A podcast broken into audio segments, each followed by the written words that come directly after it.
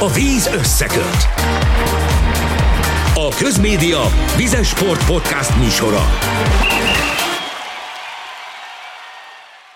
Sziasztok, ez itt a Víz Összeköt című podcast legfrissebb adása. Itt van velem az m Sport két szakavatott szakértője, Tóth Bálint az úszásból, Farkas Márton a vízilabdából. Hát a mai összejövetelünknek az egyik apropója az Milák Kristófnak a visszatérése, szerintem kezdjük ezzel. Bálint, meglepett téged a hír, hogy Kristóf betartotta percre pontosan a visszatérését, vagy nem? Meglepett, hogy ezzel kezdünk egyébként. Hát azt egyébként nem tudom, hogy percre pontosan betartotta, mert azon gondolkoztam, hogy tök jó, hogy kijött a hír, hogy újra edzésbe állt, meg megjelent a, a foglalkozáson, és hallottuk ugye Virt Balást is nyilatkozni az M1-nek. Egyébként Balázsral nem beszéltem, de hogyha mondjuk egy ilyen 8 órás megbeszélt időpont volt, tegyük fel, mert az egy ilyen standard kezdése nagyjából az úszóknak, főleg ilyen tájt, és mondjuk 8 óra 5-kor még nem volt ott, akkor az úr, azért úgy megnéztem volna Balázs pulzusát, hogy éppen hogy áll, meg, meg éppen mit gondol. Én beszéltem vele, és állítólag minden a terv szerint alakult. Hát akkor te többet tudsz, mint én, akkor miért te kérdezel engem? Én kérdezlek téged. És mit mondott még Balázs? Mert hogy megjelent, ott volt Kristóf, ez most ilyen olyan szenzációként tálaljuk, mint hogyha nem tudom, a Holdra lépett volna, pedig igazából másfél-két hónapot nyaralt, tehát ez nem egy olyan visszatérés volt, mint mondjuk, amikor Jordan bejelentette a Jan Beck. A szöveg ugyanaz volt? Hát a szöveg ugyanaz volt, csak lefordítva annyira nem hangzik olyan jól, meg azért nem egy, nem egy két éves kihagyás volt, tehát újra úszik Kristóf, ott volt egy edzésen, azért meglepődni talán ne kelljen. De nem azért van egy pici ilyen szenzáció szaga az egésznek, mert amikor bejelentette Kristóf, hogy nem indul el a Fukókai világbajnokságon, akkor még azért a, a medencék világában sem volt mindenki biztos benne, hogy ő, hogy ő ez tényleg csak egy ideiglenes pihenőnek tekinti, vagy nagy Isten végleg befejezi. Tehát talán ezért lehetett az a kérdés, hogy meglepette minket az, hogy visszatért hétfő reggel. Abszolút, ugye Sós Csaba is tegnap az M4-en mondta azt, hogy ő pont ezért aggódott, mert ugye Kristóf már mindent elért az úszásban, amit elett, világcsúcsok, világbajnoki cím, olimpiai bajnoki cím, és ami miatt én aggódtam, az igazából az volt, hogy, hogy ezért is volt szerintem szenzáció, hogy azért a magyar úszósportban ugyan Sós Csaba említette Darnyi Tamás nevét, de hát az már idestóval több mint 30 éve volt, azért nem nagyon találkoztunk olyannal, hogy egy olimpiai bajnokunk, az legnagyobb klasszisunk, mondjuk vegyük hosszú Katinkát, azt mondja áprilisban, hogy hát akkor én most nem úszok. Ki tudja meddig. Ugye Kristóf megjelölt ezt a szeptember 4-et, be is tartotta, de ez egy ismeretlen terület volt, tehát nekünk újságíróknak, meg a szurkolóknak is, tehát hogy valaki azt mondja, hogy hát akkor én most így, így, így pihennék. Pláne úgy, hogy belesik egy világverseny. Fő, igen, így van. És ugye ráadásul láthattuk mondjuk a Kristófnak az egyik legnagyobb ellenfelén, a Dresselnél, aki ugye tavaly a budapesti VB közben hazament, mert hogy ő, mentális problémái vannak, kihagyott kilenc, mondjuk a kilenc hónapot hagyott ki, tehát az, az mondjuk a felét, mint a Kristóf, és azt hiszem 27 lett az amerikai válogatón, tehát azért lát, láthattuk ennek a veszélyét, de ugye Kristófnál majd hát néhány hónap, vagy néhány hét múlva látjuk azt, hogy, hogy egy ilyen három-négy hónapos kihagyás az mit jelent az ő pályafutásába. De egyébként nagyon érdekes, illetve beszédes volt Sós Csaba interjúja, amit az M4-nek adott, illetve a sporthíradónak adott, mert ott picit tényleg én is azt éreztem, hogy, hogy ő is egy kicsit tartott ettől az időponttól, illetve ettől a szeptember 4-től, mert az elmúlt hónapokban azért lehetett látni a kommunikáción, hogy Kristófot sokan úgy kezelik, mint egy ilyen, mint egy ilyen porcelánbaba, vagy nem is tudom a jó hasonlatot, hogy így senki nem mel így, így hozzáérni, hozzányúlni, hozzászólni, sürgetni, megkérdezni, hogy hogy vagy, nehogy ö, kicsit kontraproduktívan hasson az érdeklődés. Sokan nem tudják, hogy pont mi zajlik a fejében, és ö, itt a folytatás kapcsán is még igazából számomra az a kérdés, hogy jó, oké, okay, edz, mikor jön el hasonló időpont, amikor uh, esetleg ugyanúgy gondolna, hogy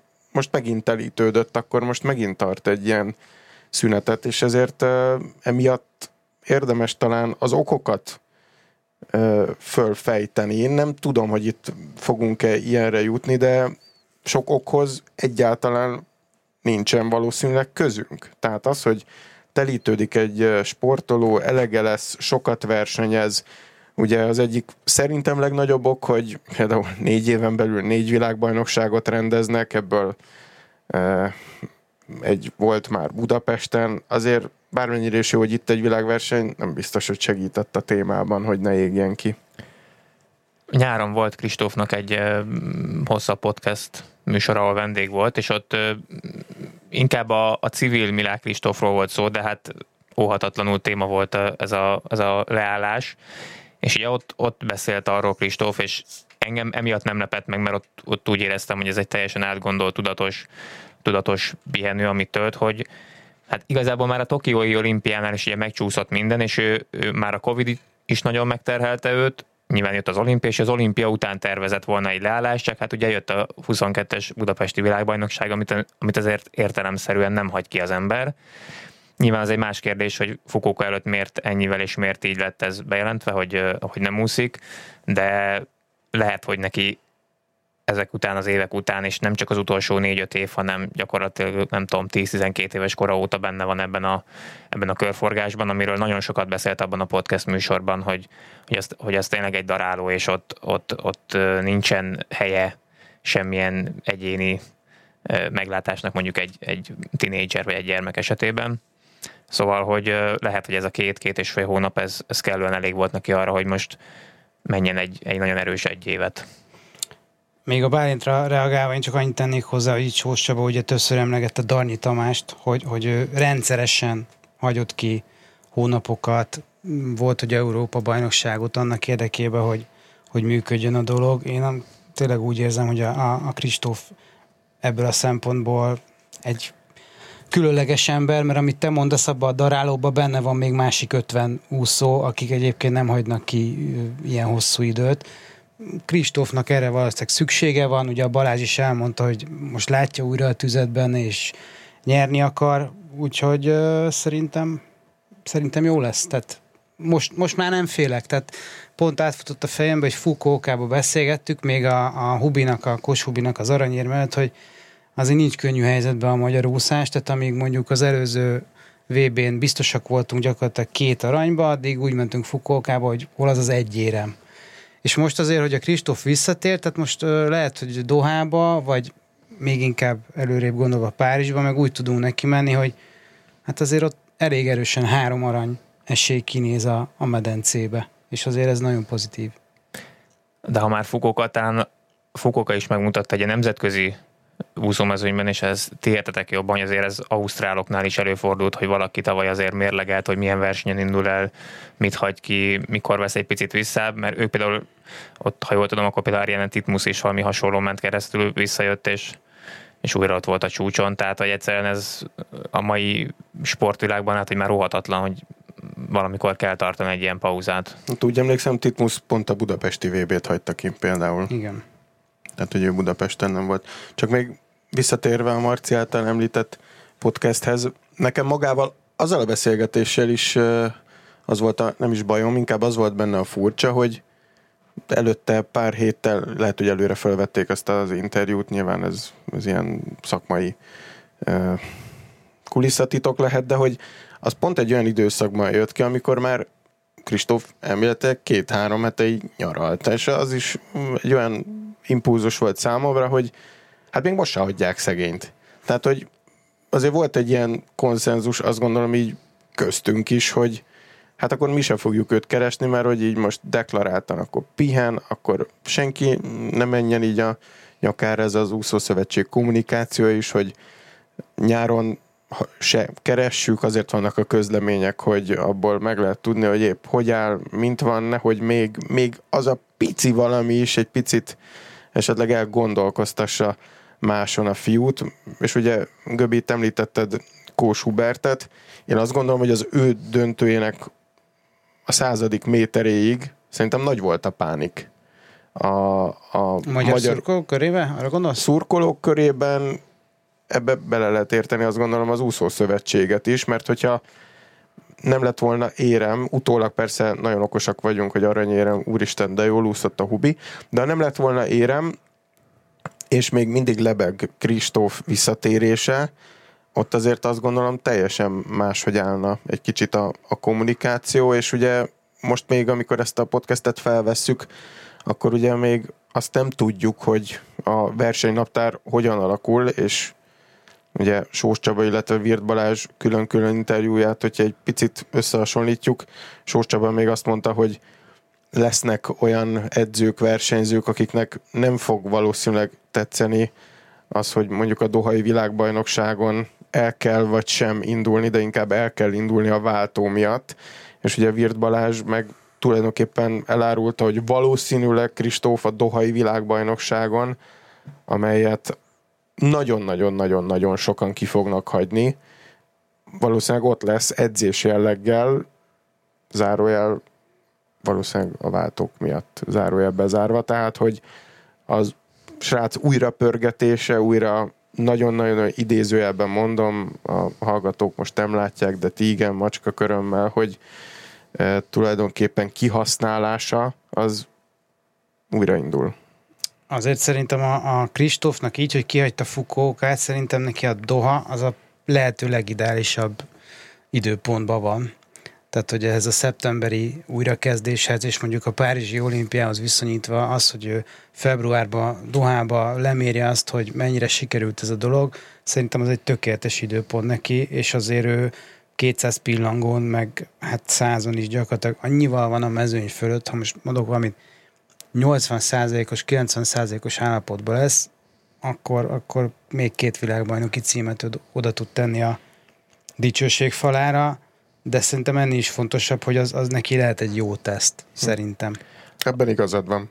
Arról egyébként volt szó, tudom még korai, de hogy, hogy Kristóf ezt az egy évet Párizsig ezt nagyjából a, csak a 100-200 pillangóra fogja felépíteni, vagy, vagy foglalkoznak úgy a gyorsúszással, hogy esetleg Párizsban is rajtozáson, mert ugye Tokió után ez volt a nagy cél, de hát időközben azért az, az kiderült, hogy az, az még nem megy.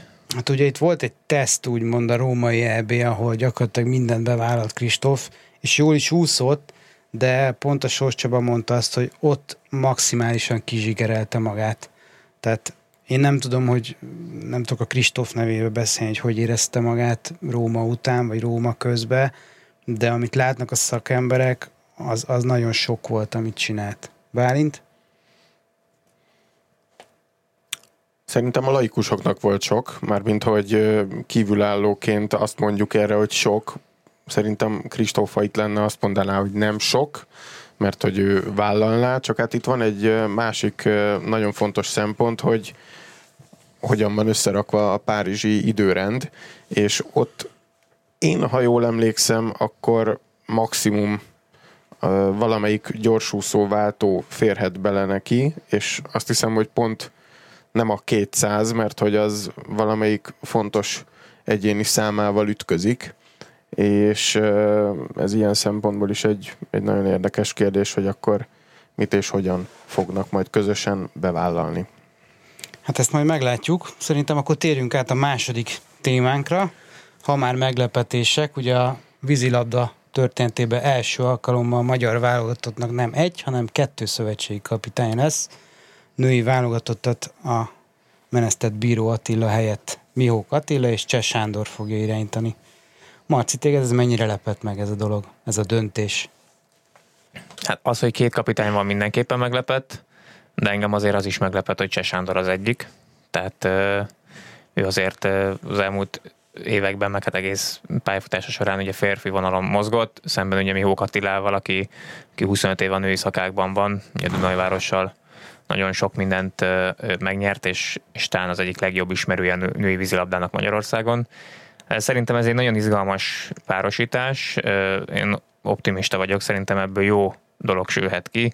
Két dolgot mutat szerintem ez, hogy így, így nevezték őket együtt ki. Az egyik az, hogy, hogy nagyon komoly a kihívás, és nagyon nehéz úton van a női válogatott, mert az olimpiai kvalifikáció megszerzése nem lesz könnyű. Ugye még az Európa bajnokságon Netanyában, januárban, illetve utána Dohában a világbajnokságon van lehetőség ezt kiharcolni, miután ugye Fukókában nem sikerült. Másrészt pedig az, hogy, hogy a szövetség, ebben, a szövetség elnökség ebben a helyzetben igyekszik minden létező szakmai támogatást, hátteret biztosítani ennek a csapatnak. Szerintem Fukóka után nagy kérdés az, vagy az elmúlt év után a nagy kérdés az, hogy ebben a válogatottban van-e még, vagy mennyi van. A Budapesti vb ugye ezüstérmesek lettek a lányok, de úgy tűnik, hogy az elmúlt éveknek az a csúcspontja, mert azóta azt a szintet nem ugratta meg, de lehet, hogy csak éppen megközelítette az együttes.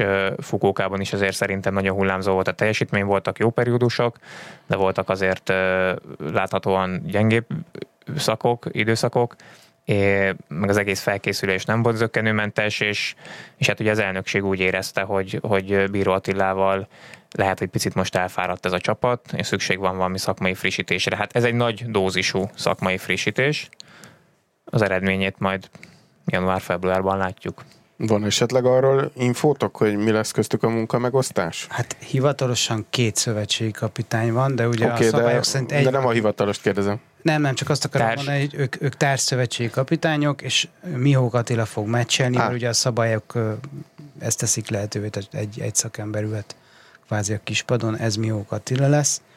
Viszont téged akartalak kérdezni, mert ha van, aki sok infója van arról, hogy milyen két szövetségi kapitányos rendszer, az te vagy. Mesélj nekünk erről egy kicsit, mi lehet ennek az előnye, és esetleges hátulütőkről. Gondolom arra gondolsz, hogy a kézilabdát egy fokkal ö, nagyobb lendülettel követem, mint a vízilabda mérkőzéseket. Hát ott visszagondolok, ugye volt egy ö, az elmúlt 7-8 évet, ha nézzük, egy Elek Gábor Ambros Martin duó, még 2016 környékén, még Kim Rasmussen érkezése előtt. Tehát ez egy nagyon-nagyon érdekes periódus volt abból a szempontból, de ők csak egy-két mérkőzésre ugrottak be, és aztán volt a Tokiói olimpia előtt egy Elek Gábor, Danyi Gábor duó, majd aztán a Tokiói olimpián már ott volt egy aláfölé rendeltségi viszony hivatalosan, Elek Gábor, mint szövetségkapitány és Danyi Gábor, mint segítő. Ilyen szempontból az, hogy egy nagy tornán ketten irányítsák a válogatottat, ilyenről nem tudok beszélni, mert hogy ilyen nem volt például kézilabdában.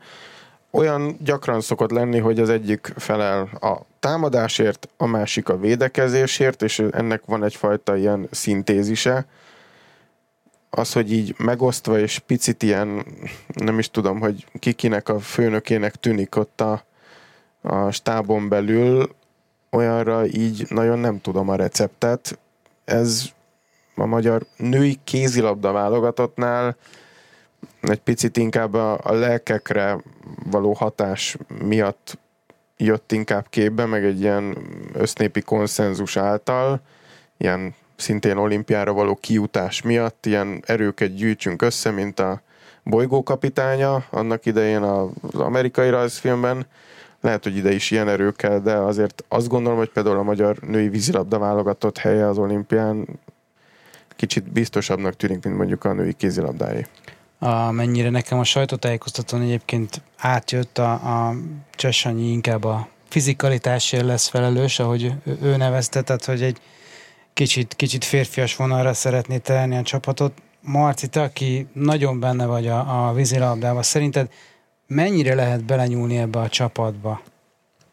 Hát nézd, a merítési lehetőség az szerintem véges, tehát jó utánpótlás van, de az elmúlt évek világversenyek megmutatták azt, hogy hiába van egy, egy nagyon jó utánpótláskorú játékosunk, azért ez egy világverseny második hetében a kiélezett mérkőzéseken, szóval amikor igazán számít, akkor még azért nincs azon, az a játékos azon a szinten, hogy, hogy, hogy meghatározó ember legyen, vagy, vagy, vagy lehet, hogy elég csak egy jó momentum is tőle, de hogy látni kell azt, hogy hiába vannak ott a válogatott mögött nagyon ígéretes 16, 17, 18 éves fiatalok, ebben a szituációban még talán őket nem lehet bevetni.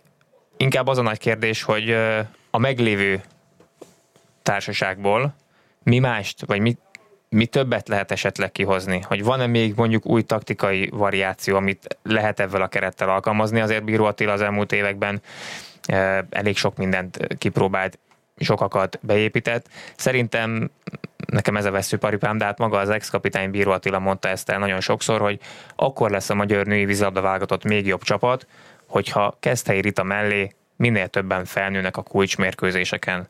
És szerintem Fukókában ez, ez, ez, ez maradt el látványosan. Talán ebben az új kapitány duó tud valami olyat a, a felkészülés során. Most abban nem menjünk bele, hogy milyen felkészülés lesz a csapatnak egy ilyen versenynaptár közepén, de hogy talán ebből lehetne valamit, valamit kihozni. Mik a lépések egyébként a Párizsi olimpiáig?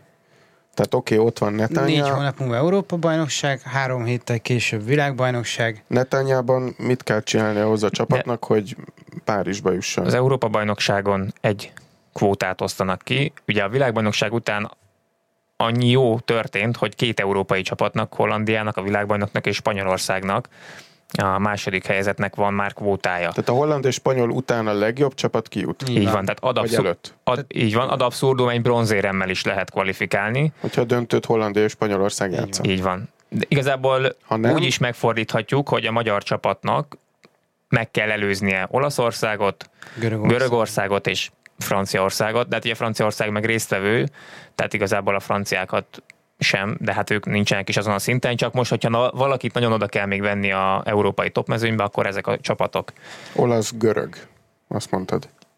Így van, olasz-görög. Ha nincs meg, akkor Dohában Akkor világbajnokságon még két kvótát lehet szerezni, de hát ugye ott, ott azért már nagyon nagyon necces, az az utolsó lehetőség a kvalifikációra, és ugye a hát női... Ugye bejönnek az ausztrálok, kanadaiak, amerikaiak, nyilván ugye ők elviszik majd az amerikai Igen. kontinens kvótáját, azzal nekünk semmi dolgunk nincsen azzal a kvótával, de majd a többi csapattal lehet. Egy dologra válaszoljatok még, létszi röviden, engem nagyon érdekel a véleményetek. Szerintetek jó vagy rossz ötlet az, hogy a férfi magyar kupát így nyár végén ősz elején rendezték meg a tél helyett, mert egyébként a végeredmény a, az kék fűzöld Ferencváros nyert.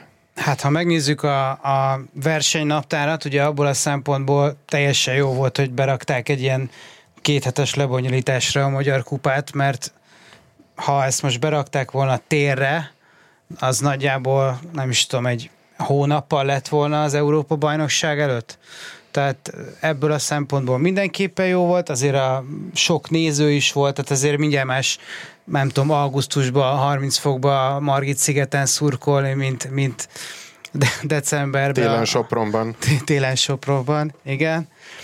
Hát a Fradi szerintem az megmutatta, hogy szerintem a bajnokságban nem lesz ellenfele, én úgy gondolom.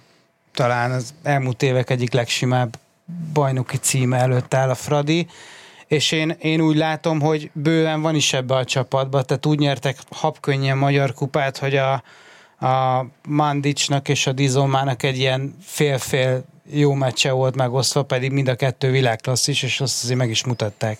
Hát szerintem mindenképpen jó, hogy most rendezik a Magyar Kupát, egy a vízilabda nyári sportág, használjuk ki, ráadásul idén nyáron nem volt csak egy női válogatott meccs ugye a világbajnokság előtt. Szigetre el lehet vinni embereket, bár most sajnos nem tudtam ott lenni, de azért láttam a felvételeket, sokan voltak, és, és ki kell használni, mert, mert menjenek a, az emberek vízilabda mérkőzésre, klubmeccsekre is, és mikor, hanem ha egy világbajnoki cím után. Kettő, ha ezt decemberben játszák, akkor is ugyanez a sorrend, tehát ez annyira nem befolyásolta. Három pedig lehet, hogy a, a csapatoknak, a kluboknak is picit uh, izgalmasabbá vagy, vagy pörgősebbé tudja tenni a felkészülését, mert ugye itt azért előtte pár héttel kezdtek el dolgozni a csapatok, de talán más úgy felkészülni, hogy na azért uh, éles, éles körülmények téthelyzetben is már meg tudjuk mutatni magunkat szeptember elején. Te mit vesz Fraditól ebbe az évbe, ebbe hát, a szezonba? Nézd, szerintem a BL-ben erősebbek lesznek, mint tavaly. A, a BL sorsolásuk az szerintem azért nevezhető kedvezőnek, tehát abból a csoportból szerintem mindenképp tovább kellene majd jutni. Kíváncsi vagyok, nagyon komoly két légiós érkezett. Ugye a bajnokok ligájában nem lesz légiós korlátozás, tehát ott ad abszurdum minden légiós tud játszani a Fradiban, és hát ezt a, ezt a világbajnoki hullámot kellene valahogy jól meglovagolni. Reméljük, hogy így lesz. Ez volt a Víz összeköt című podcast legfrissebb adása. Reméljük hamarosan újra találkozunk. Sziasztok! Sziasztok!